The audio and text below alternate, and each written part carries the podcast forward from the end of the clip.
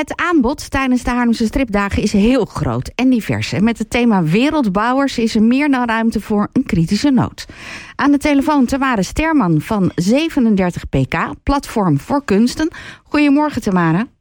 Hi, goedemorgen. Even voor de luisteraars die jullie nog niet gevonden hebben in uh, Groot Heilig Land. Waar staat 37 PK voor? Nou, het staat, de PK staat voor Platform voor Kunsten. En um, uh, ja, wat wij eigenlijk doen is uh, vooral proberen het uh, klimaat voor de hedendaagse kunst in Haarlem goed te hebben. Dus voor de kunstenaars, dat ze werkruimte hebben, voor de kunst in de ruimte. nou ja, voor kunsteducatie. Dus doen eigenlijk een heleboel dingen. En daarnaast dus ook tentoonstellingen en activiteiten. Nou is het thema van die Haarlemse stripdagen deze keer wereldbouwers. Gaf dat voor jullie meteen inspiratie van wie je dan wil uitnodigen? Ja, ja het, was, nou, het is een mooi verhaal. Wij waren al eens eerder getipt uh, over uh, de kunstenaars die wij nu hebben... via een kunstenaar die in het verleden bij ons uh, geëxposeerd had. Um, en hij zei van, dit, dit moet je een keertje zien, want het is fantastisch... en dat moet eigenlijk getoond worden. Um, en... Um, toen kwam ik eigenlijk al snel met het idee... dit is goed om tijdens de stripdagen te doen. Want het zijn twee Engelse kunstenaars... die eigenlijk al 50 jaar bezig zijn om een soort... Ja, een wereld te bouwen, een, een, een, een totaalverhaal... Uh, over een fictieve handelsmaatschappij. En uh, ja, het is fantastisch. Het begon gewoon met een comic. En het is uitgegroeid tot uh, een, ja, gewoon een gigantisch verhaal. ja. Uit hoeveel delen bestaat het verhaal inmiddels dan, als het al zo lang bestaat? Nou, dat is dus het gekke. Het is dus niet een, een chronologisch uh, opvolging van publicaties. Maar het is een, uh, een soort van hoofdverhaal over uh, twee Poolse handelsondernemers. Dit is in comicvorm.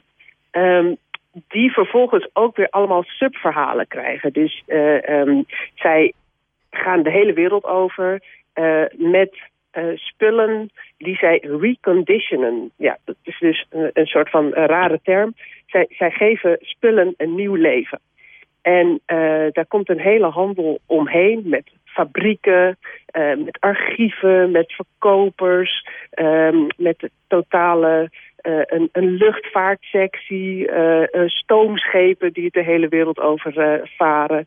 Um, en natuurlijk ook de nodige concurrentie met boeven die proberen ja, hun handel af te pakken. En um, daar komen allemaal soort subverhaaltjes. Dus de hoofdpersoon in het verhaal gaat ook weer comics maken over de uh, concurrenten. Nou, ik ben blij dat jij het snapt, The World of Jane. Ja. Je hebt het heel duidelijk uitgelegd. Ja. Dat, dat, re, ja, dat reconditioning, um, uh, dat waren ze een ter ver vooruit? Of is dat iets van een recente ja, het... ontwikkeling in hun wereld? Nee, nee. Kijk, ze zijn al 50 jaar bezig. De eerste comic kwam uit in uh, uh, 68.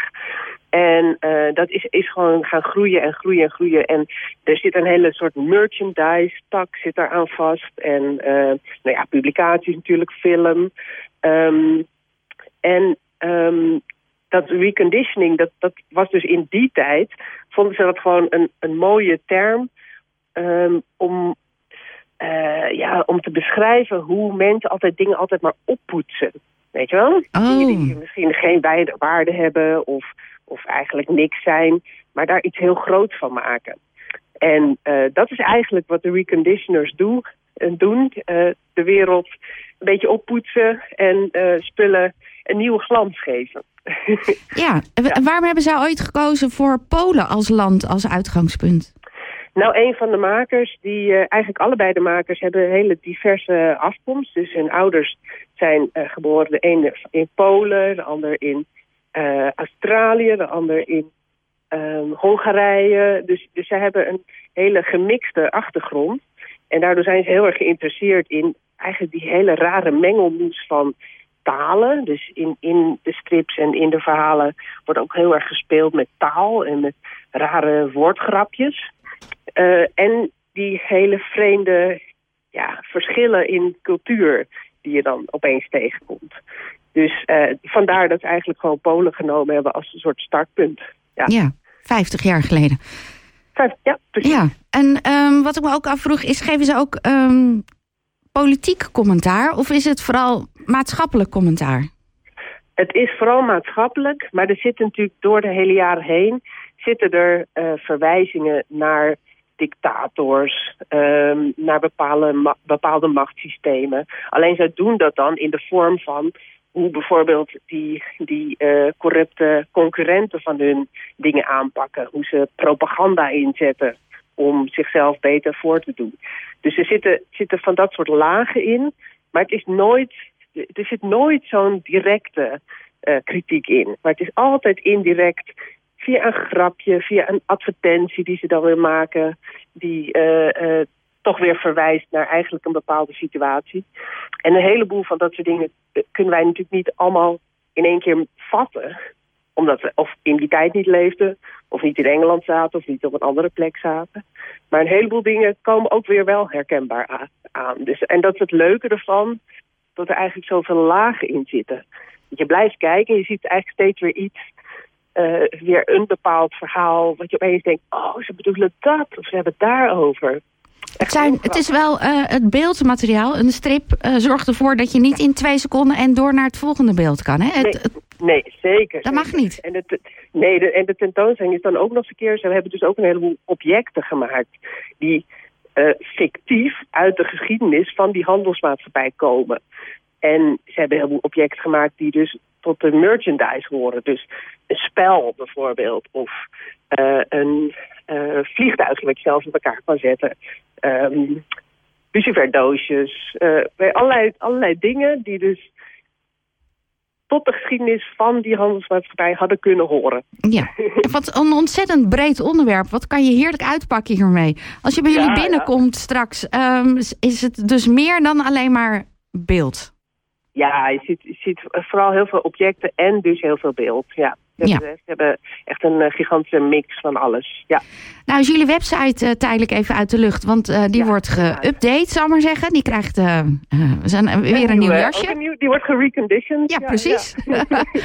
Maar nou willen we wel graag weten wanneer jullie geopend zijn. Want ik had wel gezien dat jullie op de website van de Haarlemse Stripdagen 2... Um, dat jullie daar ook een, een blokje hebben.